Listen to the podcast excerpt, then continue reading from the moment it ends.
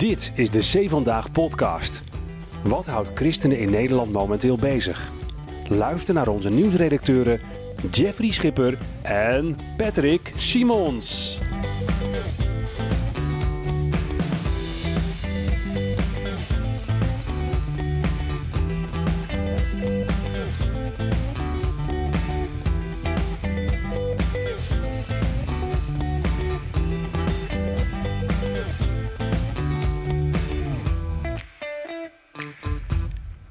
In deze prachtige novembermaand is Sinterklaas aangekomen in Nederland. De boot is gezonken, maar de Sint is er. En met redactie Piet Patrick Simons gaan we mooie items bespreken over gasvrijheid, over TikTok, over Qatar. Patrick, Een mooie witte Piet ben ik. een mooie witte Piet. En dan ben jij Sinterklaas. ja, Zullen we draai- het gewoon ja, omdraaien? het gewoon Lekker om. modern. Ik vind het eigenlijk ook wel leuk om Sinterklaas te spelen.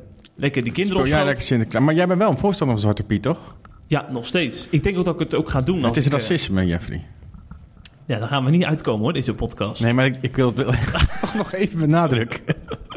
Nee, maar ik wil wel zeggen, met het oog op mensen die, die gekwetst voelen, zou ik het dan wel nalaten. Maar dan doe ik het echt voor hen en niet Heel voor goed, mezelf. heel goed. Maar jij voel je niet gekwetst. Nee, jij voel je nooit gekwetst.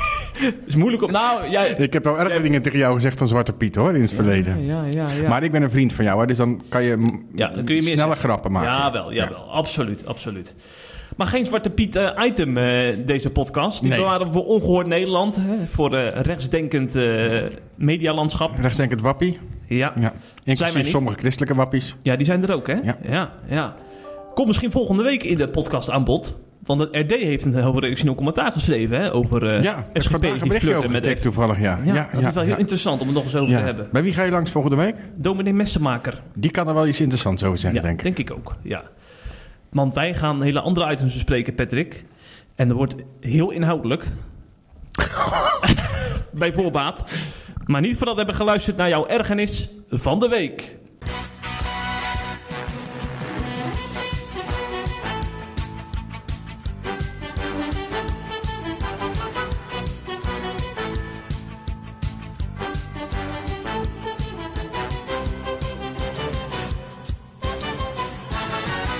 Nou, Jeff, moet je luisteren. Ik heb me deze week best wel een beetje lopen ergeren aan Wim Hoddenbach van Stichting Presence. Die ken jij uiteraard, die kennen wij allemaal. Ehm, dat vind ik normaal gesproken een hartstikke toffe kerel... die met zijn stichting ook heel veel goede dingen doet... en ook buiten die stichting om. Ehm, ik kijk bijvoorbeeld, nou, ik zou zeggen Google Stichting Presence even. Die organiseren allemaal van die eh, avonden van zang en gebed, hè, aanbidding en gebed. In heel Nederland, hè? In heel Nederland gaan ze dan door, in dorpen, in steden. Ze waren laatst zelfs in Tolen. Opkomst was niet zo hoog, maar goed. Ehm, en dan gaan ze de hele avond gewoon in de buitenlucht gaan ze zingen. En, en mensen kunnen dan meedoen en er wordt gebeden. En vaak een korte boodschap, inhoudelijke boodschap. Eh, ik kijk die ook altijd terug op YouTube. Niet, niet voor mijn werk, maar gewoon omdat ik dat zelf eh, mooi vind. Ehm, en recent waren ze in Katwijk. En daar vond Wim, eh, die die avond altijd leidt... Wim, Wim Modderbach is voor mij de oprichter en ook de, de, de leider van die stichting. Eh, en die vond het in Katwijk nodig om, weliswaar met een vroom geestelijk sausje... maar om even een kleine, of nou ja, een kleine, een flinke sneer uit te delen aan C Vandaag, aan ons dus... en aan de journalist die recent, eh, Hendrina de Graaf is dat... het artikel over frontrunners schreef. Hij deelde een behoorlijke sneer uit. Hij sprak eigenlijk over Psalm 1... Ehm, tussen het zingen door. En zei daarbij onder meer dat hij zelf, eh, dat we niet in de, in de kring des spotters willen zitten. Eh, en vervolgens zei hij dit. En er wordt vandaag de dag wordt er heel veel gezegd over allerlei christenen die allemaal dingen verkeerd doen. En zo las ik ook recent las ik een heel stuk over wanneer er dan welvaart zou komen in je leven, wanneer er voorspoed zou gaan in je leven. En er werden allerlei dingen gezegd over iemand die dat verkeerd zou prediken. Nou, ik ken een voorspoedsleer die verkeerd is. En dat is dat wij voorspoed, hel en zegen verwachten buiten geloof van God om. Dat wij verwachten dat er aan het eind van de maand iets op onze rekening staat van onze werkgever zonder dat we daarvoor gebeden hebben. Dat we verwachten dat de regering voor ons zorgt zonder dat we geloof hebben. Als er een welvaartsevangelie is waar we ons druk over moeten maken, dan is dat het welvaartsevangelie dat de kerk doortrekt. Dat de kerk zegt, dat gelovigen zeggen, er is heil, er is zegen, er is voorspoed buiten God om. En daarom geloven wij in Jehovah Jireh, de God die voorziet. Daarom geloven we in El Shaddai. Als je dat woord vertaalt, dan staat er de God van de moederborst. Met andere woorden, dat wij gevoed worden dicht aan Gods hart. En dat Hij voor ons zorgt. En met alles wat er te zeggen valt over de kerk van Nederland, is er een groot kwaad in de christenheid. Dat wij zegen zijn gaan verwachten zonder God te raadplegen. Dat wij zegen zijn gaan verwachten zonder te geloven. Dat we zegen zijn gaan verwachten van de regering. Dat we zegen zijn gaan verwachten van onze werkgever. Dat is een evangelie dat niet gepredikt mag worden.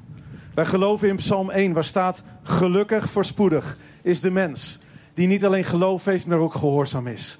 En die niet luistert naar de raad van de goddelozen. Die niet staat op de weg van de zondaars. Die niet zit in de kring van de spotters. Maar die in alles zijn hel van de Here verwacht. Die zijn woord overdenkt bij dag en bij nacht. Alles wat zo iemand doet, zal gelukken staat er. Wat gelukt er dan in je leven? Als je deze psalm leest, is het ook een beetje raar. Wat zal dan alles in je leven gelukken, Wim? Gaat dan alles goed? Nee, weet je wat er gelukt? Weet je wat er gaat lukken dan in je leven? Al die dingen die in Psalm 1 staat. Dat je niet gaat luisteren naar de raad van de goddelozen. Dat lukt. Dat je niet gaat staan op de weg van de zondaars. Dat zal lukken. Dat je niet gaat zitten in de kring van de spotters. Dat zal lukken. Dat je Gods woord dag en nacht zal overdenken. Dat zal lukken. Dat je zult zijn als een boom die vrucht draagt op zijn tijd. Dat zal lukken. Dat je zult zijn als een boom geplant aan waterstromen. Dat zal lukken. Dat je blad hebt waardoor mensen in de schaduw van jou willen verkeren zonder verbrand te worden in de zon. Dat zal lukken. Al wat zo iemand onderneemt, gelukt. Dat is nog eens een krachtig evangelie. En ik ben er blij om. Ik weet niet of Katwijk er ook blij over is. Ja. Maar soms praten we iets te veel over de dingen die we zien bij allerlei andere mensen die niet goed zouden zijn. En hebben we niet in de gaten dat wij zelf ook te veel leven naar de maatstaven van de wereld. Nou Jeff, ik vind het echt, echt, om heel eerlijk te zijn, een beetje heel erg kinderachtig. Laag bij de grond vind ik het ook.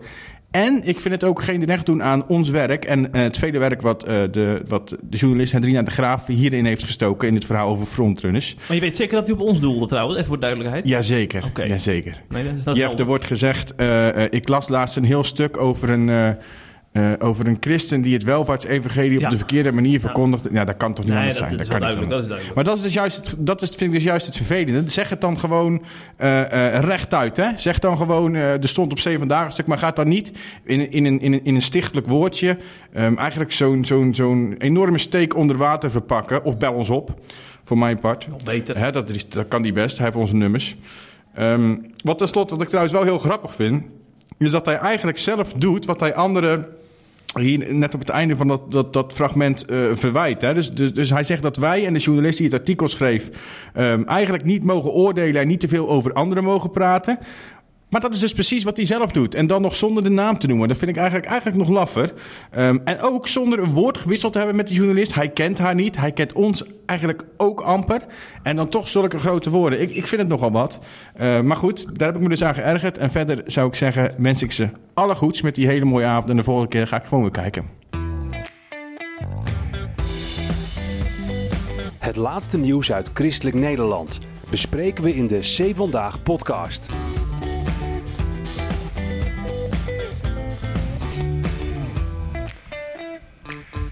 En Wim Holderbach is natuurlijk van harte welkom in de kerk van de Nazarener in Haarlem. Jij refereert aan um, uh, een, een steekproef van Alfa Nederland. Alfa Nederland kennen we natuurlijk van de beroemde Alpha-cursus. Uh, wat hebben die gedaan? Die hebben de afgelopen maanden best wel een interessante steekproef georganiseerd.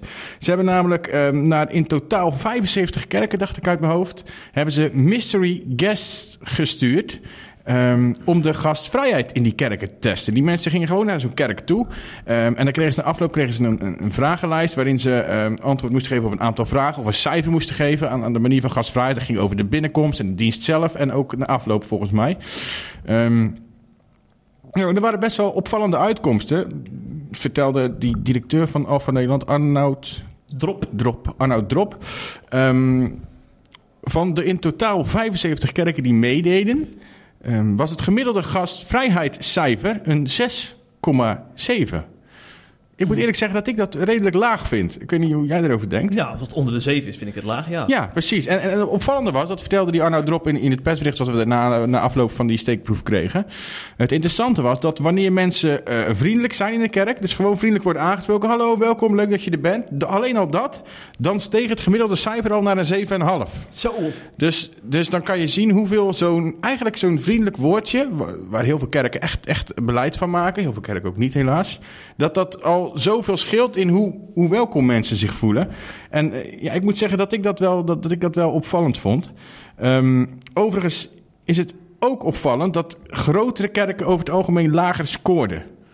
Dus eh, wanneer kerken eh, meer dan 250 eh, leden hadden, of tenminste leden aanwezigen in de dienst, dan was het gemiddelde een 6,3. Dus dat is lager dan het algehele gemiddelde. Waarmee je dus ook kan concluderen dat de kleinere kerken hoger scoren. Ehm, een ander opvallend, opvallende uitkomst in die steekproef was dat meer dan de helft van die mystery guests, eh, die gaf eigenlijk na afloop aan in de vragenlijst, ehm, dat ze door hun bezoek nieuwsgierig zijn geworden naar de kerk en eigenlijk best wel nog een keer een bezoek willen brengen. Eh, en dat, eh, daar zei Arnoud Drop het volgende over. Dat percentage maakte mij zowel dankbaar als bedroefd. Er lopen zoveel mensen in ons land die Jezus nog niet kennen. Mensen naar wie Gods hart uitgaat. En als wij hen zouden uitnodigen voor zoiets simpels als een kerkviering, is er dus best een grote kans, de helft namelijk, dat ze terug willen komen. Ik zie dit als een oproep aan de kerk in Nederland om vrijmoediger te worden in het uitnodigen. En dus, in mijn woorden, om gastvrijer te worden. Nou, er werd dus uiteindelijk eh, werd er per kerk een cijfer gegeven. Hè? Dat betekent dat er ook een kerk was met het hoogste cijfer. Nou, die noemde je net al. Dat is de kerk eh, van de Nazarener in Haarlem. Zij kregen een rapportcijfer van maar liefst 9,8. Dus ik weet niet wat zij met die mystery guest, guest hebben gedaan. Maar die voelt zich in ieder geval heel erg welkom. Zo, een hoog dat is een gigantisch hoog cijfer. Ik zou zeggen, ze doen hun naam ermee eh, eer aan. En mogen er ook trots op zijn. Al moet ik daar wel aan toevoegen, met Paulus in gedachten... wie roemt, die roemen in de Here. Ik blijf er even voor je, vriend. Ja, ja, ja, ja, ja. Klein nadeeltje aan de steekproef, want ik vond het echt, echt super interessant om dat allemaal te lezen. Maar er was één klein nadeel, vond ik. Kerken konden zichzelf opgeven. Ja. Dat betekent dus dat ze wisten dat er een mystery guest zou komen. Ja, maar niet wanneer dan, hè? Precies. Nee, maar wel dat er eentje Ja. zou komen. Ja. Dus ik kan mezelf... eh, Kijk, als ik me opgeef voor een eh, gastvrijheidstest bij mijn huis... dan laat ik natuurlijk iedere vreemdeling die aanbelt binnen. ja, toch? Ja, dus dat verandert de steekproef wel behoorlijk, lijkt me. Ik ben eigenlijk nog veel nieuwsgieriger naar de uitslag van zo'n steekproef... als het gewoon helemaal niet wordt aangekondigd... en niemand weet dat die steekproef eh, er überhaupt is. Ehm, ik heb ook het gevoel... Dat heb ik, ik heb bij deze niet hele specifiek per kerk zitten kijken... eh, maar ik heb het gevoel als ze dat zouden doen... wij hebben ook wel eens met het idee gespeeld om dat te gaan doen... of iets in die richting... Ehm, ik denk dat eh, traditionele kerken veel lager zouden scoren dan, eh, dan, dan, dan evangelische kerken. Eh, ik moet er wel bij zeggen, dat is echt slechts een gevoel van mezelf en gebaseerd op mijn persoonlijke ervaring. Maar ja, ik ben toch wel een echte revo. Maar alle keren dat ik in evangelische kerken ben geweest, zowel lokaal in Toden waar ik woon, zoals je weet, als in grote evangelische kerken in den landen, hè, als je het over mozaïek en dergelijke hebt, ehm, dan heb, had ik altijd het idee dat ze daar veel gasvrijer waren en dat je veel welkomer was dan de reformatorische kerken. Daar is het toch vaak, je loopt de kerk binnen, ehm, je zoekt een plekje. Nou, als je geluk hebt, mag je blijven zitten. Soms word je van je plek gestuurd, hè? want sommige kerken hebben nog vaste plekken. Er zijn kerken, daar brandt een lampje. erg, en dan moet je, als, als je niet, als je, als je geen lid bent, dan moet je dus achterin blijven wachten tot het lampje aan of uitgaat. Eh, en dan pas mogen de vreemdelingen gaan zitten. Ik heb het in Sint Maartensdijk Ja, dat- dat meegemaakt. kan toch niet? Is dat daar nog steeds in Sint Maartensdijk? Dat weet ik niet. Ik, ik weet ook niet of het nog steeds Ja. kerken... Ik denk dat er heel veel kerken zijn die daarmee gestopt zijn. Ik weet van eh, de, de kerk waar ik ben opgegroeid... dat ze dat vroeger ook deden, maar dat het, dat het verdwenen is. Ja. Eh, en ik denk dat er heel veel kerken zijn die dat inderdaad hebben afgeschaft... maar er zullen vast nog kerken zijn waar het is. Ehm, ik weet ook dat er heel veel reefkerken er wel aan werken... dus dat er ook daar steeds vaker mensen... Ik moest zeggen reformatorische kerken trouwens, Jeffrey. We hebben ons beleid veranderd, hè? Ja, maar jij bent vrij hoor, Simons. Jij. Ja. Jij hebt een veto. Oké. Revo-kerken. Eh, dat er ook steeds meer in dat soort kerken eh, welkomstteams zijn. Dus die, die aan, de, ingang van de kerk staan. eh, om mensen welkom te heten en eventueel een plaats toe te wijzen. En een hand te geven weet je, en te begroeten. Maar dat komt eigenlijk nu pas een beetje in de Revo-kerk. En dan zie je het nog steeds alleen maar eigenlijk aan de linkerkant van de reformatorische gezinten. Terwijl dat in evangelische kerk eigenlijk al heel lang de gewoonte is. Hè? Je komt binnen, je krijgt de hand, hey, leuk dat je er bent, welkom, ga lekker zitten. Weer een bakje koffie nog. Behalve in, waar waren wij toen in Friesland? In Drachten, Ja. Bettelkerk. Toen wou ik een bakje koffie vooraf en dat mocht niet, hè? Oh ja, dat was apart. Toen waren er twee, Oh, ja. toen waren er twee diensten. Ja. En toen kwamen wij bij de tweede dienst, want we hadden natuurlijk uitgeslapen, want we hadden een mannenweekendje. Ja, ja, ja, ja, en toen, eh, toen was de eerste dienst, ging natuurlijk koffie drinken naar de dienst. Ja. En, en wij kwamen aan. Ik Ja. zei, joh, ik heb wel wat 's ochtends haast gehad, dus we hadden geen, je, je, had geen koffie gezet voor mij. Mhm. En, en toen kwamen we dus aan daar. En toen dacht ik, nou, dan ga ik nog even een bakje koffie. En toen werden we weggestuurd hè, door iemand. door die nee, dat mag niet. Dat is voor de mensen van de eerste dienst. Ga op je plek zitten. Heel apart. Ja, Ja, heel apart. dat is diezelfde man trouwens, die, die dat, dat hebben we wel eens eerder in de podcast aangehaald, geloof ik. Die tegen, die tegen ons zei, komen jullie voor Botterblij? Komen jullie voor Botterblij? hij is er niet, hij is er niet. Waarop ik zei, gelukkig is Jezus er wel. Ja, ja, ja, ik weet het, ja. Ja, maar goed. Heel apart. Dat, en dat was weer een evangelische kerk. Maar over het algemeen is mijn gevoel, ik weet niet hoe het bij jou zit, Mm. maar is mijn gevoel dat, eh, dat bij evangelische kerken, Ja. uitzondering uiteraard, dageraad, dat daar meer bewust beleid van wordt gemaakt van mensen welkom heten en gastvrij zijn dan in eh reformatorische kerk. Waarbij ik benadruk bewust. Het is niet dat ze in reformatorische Nee, kerken Nee, nee. Niet gastvrij willen zijn, maar Nee. daar zijn ze niet zoveel mee bezig, denk ik. Klopt, dat denk ik ook. Ik kan mezelf nog een vergadering herinneren. Het ging echt wel ander- anderhalf uur door over hoe je het welkomstbeleid kan verbeteren. En er werd er opperde iemand om een praatjestafel achterin weg te zetten. Dus daar, bij die praatjestafel zit je dan eh, iemand uit het welkomsteam. En daar kun je als gast kun je daar gaan staan. En dan kun je een tasje mee krijgen met allemaal informatie over de kerk en zo. En over het geloof. Dus daar wordt heel erg bewust over nagedacht. Het is natuurlijk wel heel gekleurde informatie waarschijnlijk. Ja, waarschijnlijk wel. Ja. En het is ook wel de vraag in hoeverre je ook heel veel ongemakkelijke situaties kan creëren. Hè, door er zo be- beleid op te maken. Maar goed, er wordt wel eh, over nagedacht. Het is, ik, ik, ik denk dat het, het, het ideale zou zijn dat je naar zo'n tafel kan gaan. Dat je een praatje kan maken, Ja, maar dat je niet verplicht bent. Dus Ja. je ziet bij heel veel kerken, dan is er zo'n hele smalle doorgang. En er staan dan vier man je op te wachten. Die moet je dan alle vier... Dan, als je, dan is het ook niet, dan wordt het ongemakkelijk. Ja, dan moet je dus je moet er ook langs kunnen lopen. Als, je, als jij daar geen zin in hebt, als, als, als vreemdeling of buitenstaander... Hmm.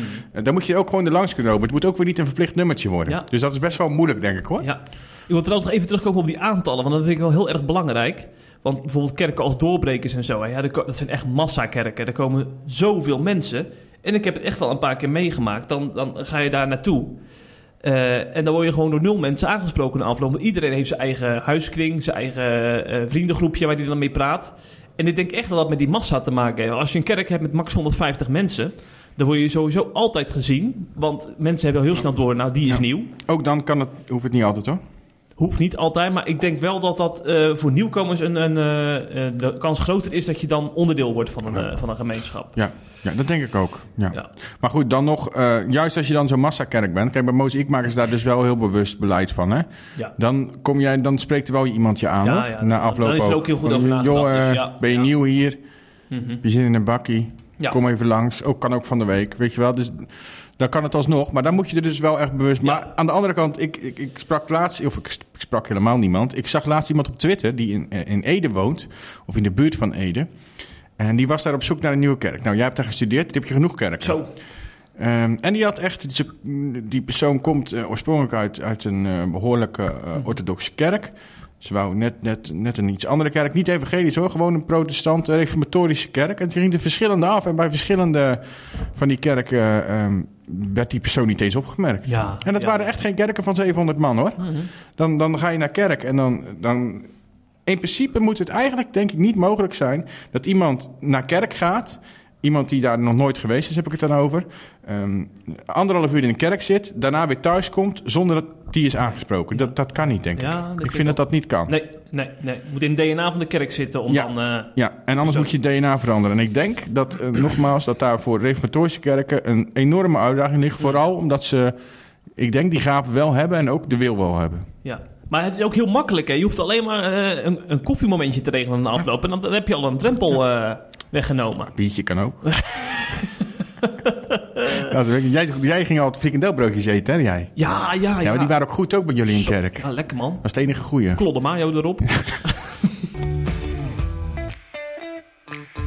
Ja, ja, het is weer tijd voor Synode nieuws. Dit keer uit de protestantse kerk in Nederland. Ga ik even een banaantje schillen? ja, Nick, meestal jij dan af hè, met Synode nieuws. Arme mensen, uren tijd ingestoken, al die rapporten. En jij Ja. gaat... het- gaat eh, Ja, ze kunnen dus beter tijd steken in gastvrijheid. ja, nou, Dat is van in rapporten, ja, maar goed, dat goed, is- Ja, goed punt, goed punt. Misschien een item voor de volgende synodevergadering, volgend jaar. maar afgelopen weekend Vergaderen over de vraag of we minder moeten gaan vergaderen. Afgelopen weekend stond er eh, wat anders op het programma. Eh, en dat heeft te maken met een voorstel van synodelid C.M. Molenaar, ouderling in de hervormde gemeente in Veenendaal. Hij vroeg zich af eh, waarom het debat over huwelijk en seksualiteit in de vergadering van de generale synode maar niet op gang wil komen. Eh, nou heeft hij eh, wat handtekeningen voor verzameld. En ja hoor, afgelopen weekend was het zover. Er kon vergaderd worden over een procedure om het gesprek over huwelijk en seksualiteit te voeren. Hoe ze dat gaan doen. Het gesprek gaat er komen, maar de vraag is hoe. Daar werd dus over gesproken. Eh, men had het nog over een voor- en een tegenstander van ehm, bijvoorbeeld eh homorelaties bij elkaar zetten en aan de hand van zo'n debatje dan het gesprek op gang brengen. Maar dat vond Molenaar niet zo'n goed idee. Eh, toen kwam er weer iemand die toch wel weer een commissietje op, op, eh, op, eh, op gang wilde helpen. Die dan, die dan iets eh, gaan voorbereiden wa- waardoor de, het gesprek bevorderd kan worden. Volgens mij is het nog niet helemaal helder hoe het precies gaat gebeuren. Maar één ding is zeker, er wordt in 2023 over dit onderwerp gesproken. In de synode en in de lokale kerken van de protestantse kerk in Nederland. En dan gaan ze dus actief bevorderen, dat gesprek. Eh, dat doet ons natuurlijk denken aan het bezwaarschrift van dominee Klaas hè, eerder dit jaar. Dat hebben we hebben uitgebreid over bericht. Hij eh, heeft een eh, bezwaar ingediend omdat hij vindt dat de PKN heel erg eenzijdig in dit onderwerp staat. Hè, dat het heel erg meegaat met de progressieve toeren van eh, een liturgie voor eh, gender eh, eh, inzegeningen. En, ehm, en dat soort zaken. Daar ging het inhoudelijk trouwens niet over hoor. Maar ik vond het wel heel toevallig dat dat zo samenging met, het, met de oproep van Molenaar. Ik denk niet dat het toeval is namelijk. Nee, dat geloof ik ook niet. En eh, eh, Skriba de Reuver, hè, dus de, de voorman van de PKN. Oh, de niet de goede erover. Dat is een andere, niet jouw held. Nee. Eh, die deed nog even een woordje tijdens de synode om nog te benadrukken hoe belangrijk en fundamenteel het is dat het gesprek lokaal wordt gevoerd. En dat volgens hem de PKN er niet omheen kan. Dus dat heeft hij echt benadrukt. Ja, ja. Dat het niet onder tafel geschoven mag Die zei, die zei eerder al dat hij niet zoveel met dat dingen van Klaassen wilde doen, toch? Nee, hij vond dat een beetje Ja. de, de verkeerde manier. Hij vond het van te veel grote statements eh, getuigen. Ja. En daar is het gesprek niet bij Ja, gebaat. daar is hij niet van, hè, van de grote statements. Grote statements? Nee. Ja, de andere kant op. Over klimaat wel, denk ik. Ja, ja, Ja. ja. Dus eh, we gaan in volgend jaar 2023 gaan we nu nauwlettend op, op letten of de PKN ook de daad bij het woord gaat voegen. Hè? Ik verlang terug naar de tijd van Arjan Plezier. De vorige PKN Scriba. Of twee, nee, nee, nee, twee, eerder al. twee geleden al. Nee, dat is Dat wel is een ja, echte bonder. ja, Dat is inmiddels Ja. een beetje opgeschoven. ja.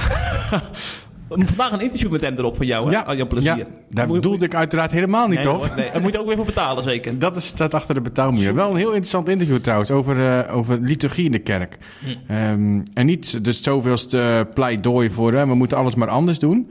Eh, maar wel, ja, het komt op neer dat hij zegt we hebben veel te veel de focus gelegd op het gehoor. Eh, en daarmee gelijk toegeven, natuurlijk, het geloof is uit het gehoor. Dat staat in de Bijbel natuurlijk. Eh, maar er zijn meer zintuigen en die kunnen we ook best wel zegt, nou, in de eredienst naar voren laten komen. Plus, als je ziet hoe Paulus de eredienst omschrijft, dan kunnen we moeilijk eh, ontkennen dat we een paar elementen zijn kwijtgeraakt in de protestantse eredienst. Ja. Heel interessant en eh, vooral niet, niet zonder te schoppen, daar hou ik altijd van. Dat is Oh, niet gelijk mensen die het anders doen of anders denken naar beneden drukken. Ehm, ik zou het zeker lezen, maar je moet inderdaad wel eventjes lid worden Ja, en ons de winter door helpen. Ja, ja. En volg ons ook op Facebook en Instagram. We zitten niet op TikTok, voor de duidelijkheid. TikTok, ja Jeffrey, jij wel? Eh, nee, nee, nee, nee. Het is niet mijn ding, Ja. Saai, jij Gewoon saai mannetje, ja. Jij bent meer van de Twitter zeker alleen. ja, gewoon Twitter. Lekker ja. po- populair doen over geopolitiek. Ja, ja. Schrikkelijk. Nou, ik zit dus wel op TikTok, moet ik heel eerlijk zijn. En ik, tegelijkertijd moet ik er eh, direct bij zeggen... het is een ontzettend eh, eh, verslavende app. Nog erger dan Twitter, want voor jou is Twitter bijvoorbeeld ook wel verslavend, hè?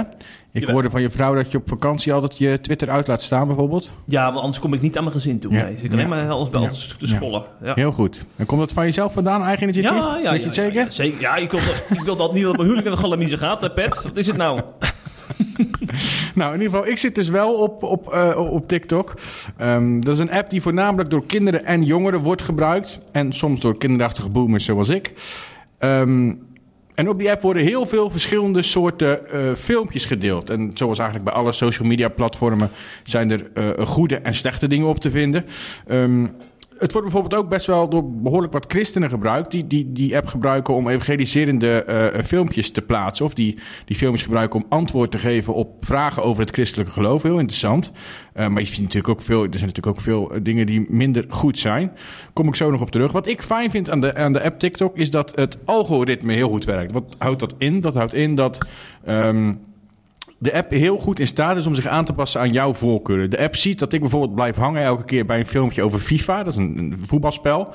Um, waardoor ik steeds vaker filmpjes over FIFA krijg. Of de app, de app heeft door dat je uh, André van Duin heel grappig vindt. Dus als je dan heel vaak André van Duin kijkt en de filmpjes ook afkijkt, ja. dan krijg je ook steeds meer André van Duin. Zo. Dus als je heel veel filmpjes over christelijk geloof kijkt, dan krijg je ook steeds meer filmpjes over christelijk geloof. Dus dat werkt perfect daar. Maar ik moet tegelijkertijd bij zeggen dat het echt heel verslavend is. Want je scrolt tel, elke keer door naar een volgend filmpje, zeg maar.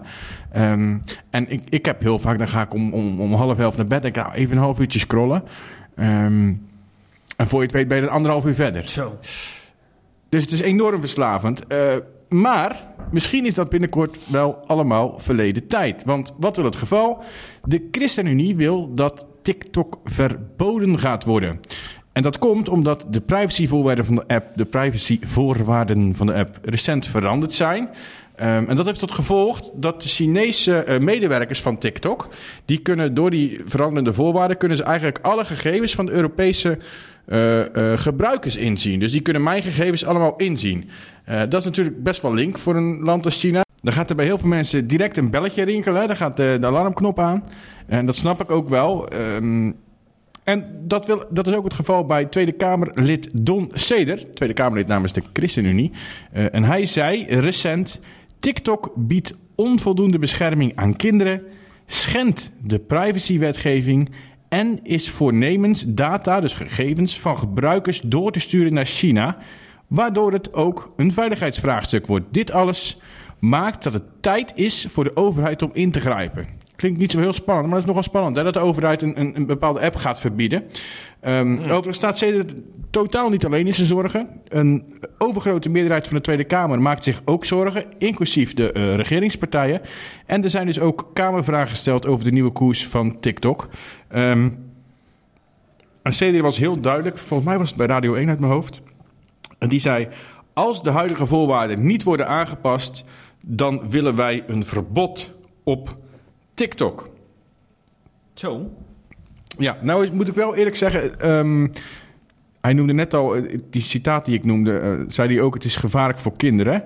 Of onvoldoende bescherming voor kinderen. Dat gaat, dat gaat niet alleen maar over die data waar ik het tot nu toe over gehad heb. Um, er is ook nog wel meer aan te merken op die app. Um, jongeren en kinderen bedenken bijvoorbeeld levensgevaarlijke challenges of, oh ja. of hypes. Dus zo, er is een postje terug is er zo'n hype geweest of een challenge of zo'n vreselijk woord challenge.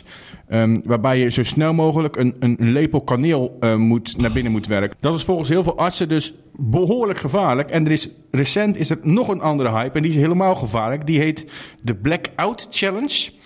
Um, en daarbij filmen kinderen zichzelf terwijl ze hun adem inhouden totdat ze flauw vallen.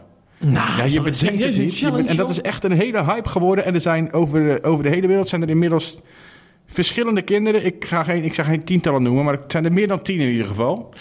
Um, zijn daaraan overleden. No. En dat is dan zo'n challenge op TikTok, weet je wel. Nou ja, dat, en kinderen zijn. Ja, dat, dat maakt het gewoon heel gevaarlijk voor kinderen.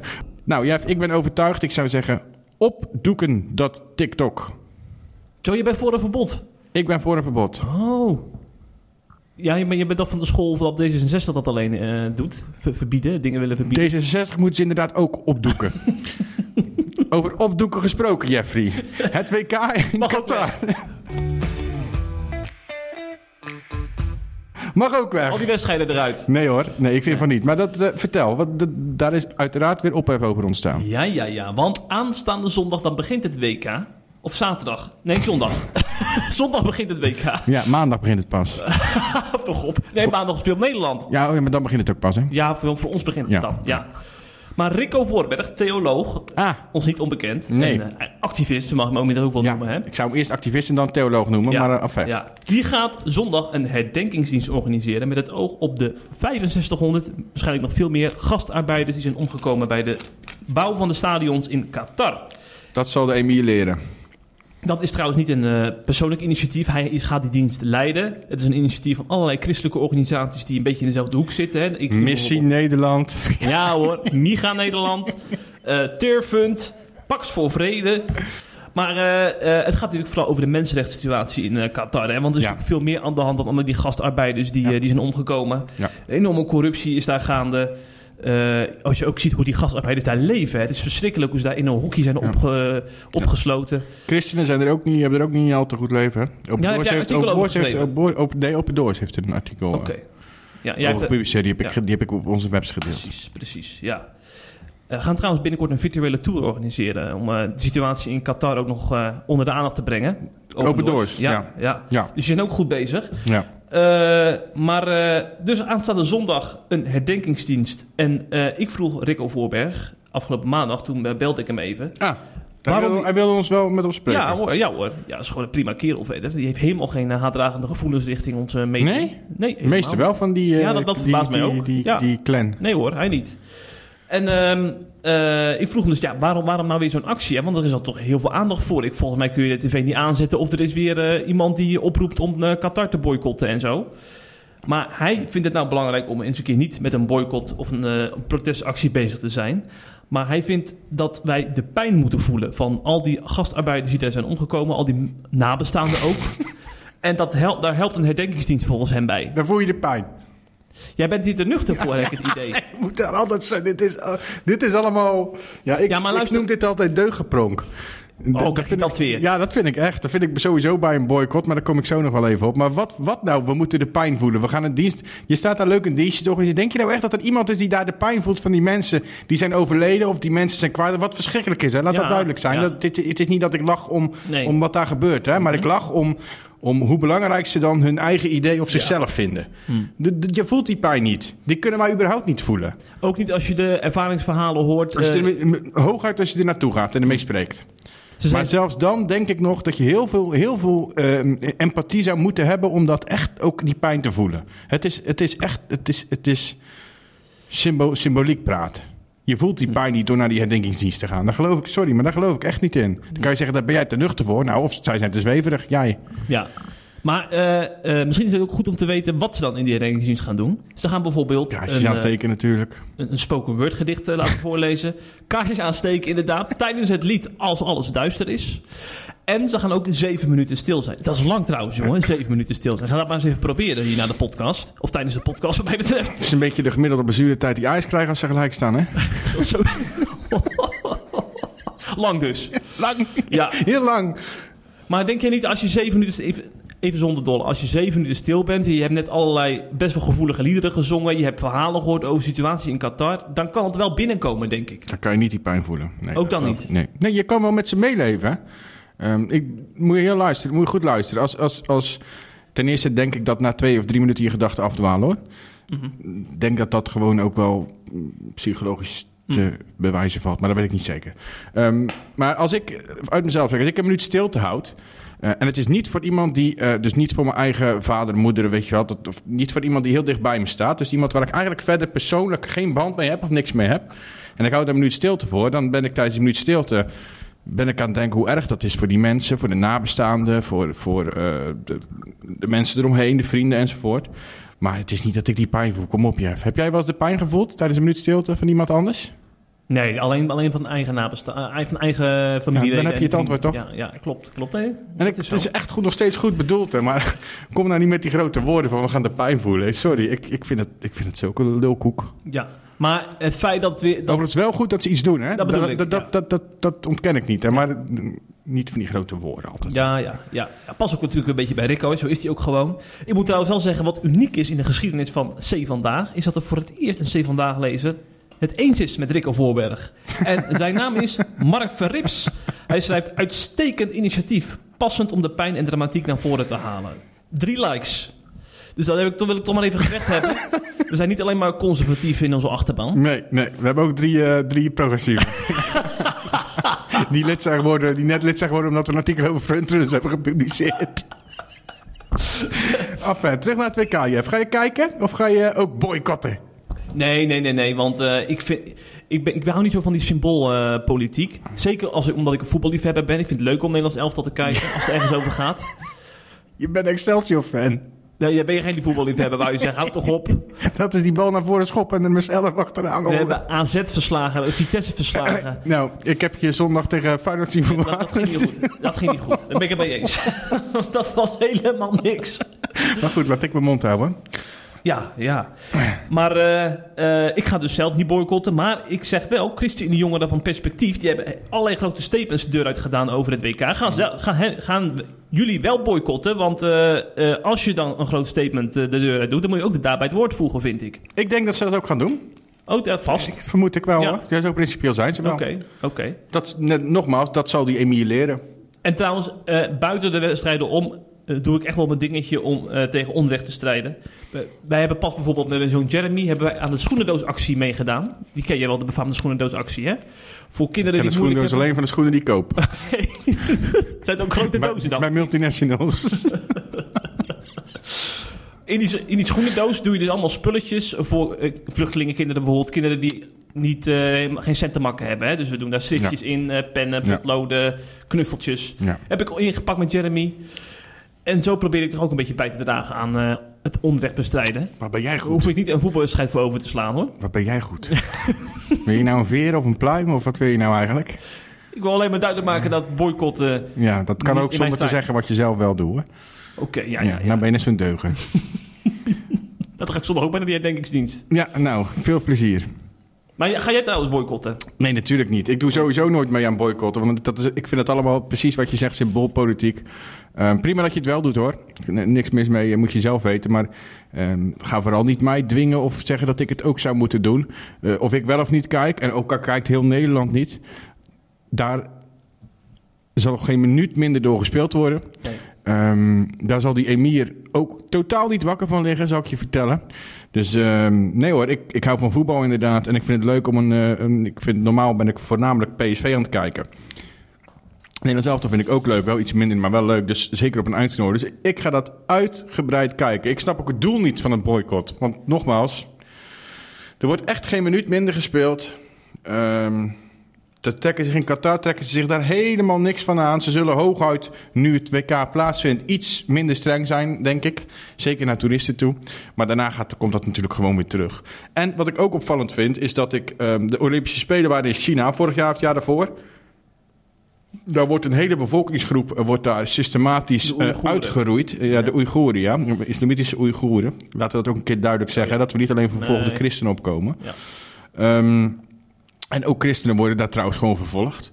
En daar ehm, waren wel wat statements. Dus het is niet dat het helemaal stil bleef. Maar zo massaal als ik nu ook christenen allemaal zie doen eh, over eh, eh, Qatar... heb ik ze niet over China gehoord. En dat vind ik altijd, altijd behoorlijk hypocriet. Max Verstappen rijdt ook vaak in landen waar de mensenrechten geschonden worden. Max Verstappen ben... Oh. Max Verstappen, daar ben ik een beetje mee klaar. Daar wil je het niet over hebben. Maar we gaan geen... Nee. nee. Nee, Hij komt die, ook heeft, die heeft een hele. Die heeft, dus, is- laat ik zeggen dat het een hele egoïstische man eh, is. Dat heeft hij af- afgelopen weekend laten zien tijdens de race. Maar laten we nou niet de race gaan analyseren hier. Dan komt, dan komt Max niet aan bod in de uitsmijter van de week. Nee, voor. er is trouwens nog wel één ding wat ik wil zeggen. Oh, Over, nu we het over het WK hebben. En dat gaat over Danny Makkely. Dat is Ja. eh, ehm, volgens velen een van de beste scheidsrechters van Nederland. Ik vind het een waardeloze droom, maar dat, dat terzijde. ja. Ehm, die man, die, eh, als er in een stadion door PSV-fans... eh, ehm, hij is homoseksueel. Als er in een stadion door PSV-fans homo wordt geroepen... dan staakt hij de wedstrijd. Dan is hij heel stoer, wat ik trouwens prima vind. Want op, weg met die spreekkoren. Dan staakt hij een wedstrijd. Maar nu gaat hij gewoon voor de fame en voor zijn centjes in Qatar... gaat hij gewoon op tijdens het WK zitten fluiten als homoseksueel. Terwijl daar homoseksualiteit strafbaar is. Terwijl homoseksuelen die eh, seks met elkaar hebben... worden opgesloten letterlijk. En nu gaat hij ineens wel fluiten. Nou, dan ben je echt de grootste hypocriet die er rondloopt in Qatar. Dat is niet de emir, dat is niet de FIFA... dat is niet eh, de voetballers die daar voetballen... maar dat is Danny Makkely. Zo. Dat Thuisfluiter. ik nog even kwijt. Thuisfluiter. Het is nog een thuisfluiter ook, ja. En hij fluit altijd tegen PSV. Maar dit was even persoonlijke frustratie. Laten we nou iets positiefs gaan tot slot, Jeff.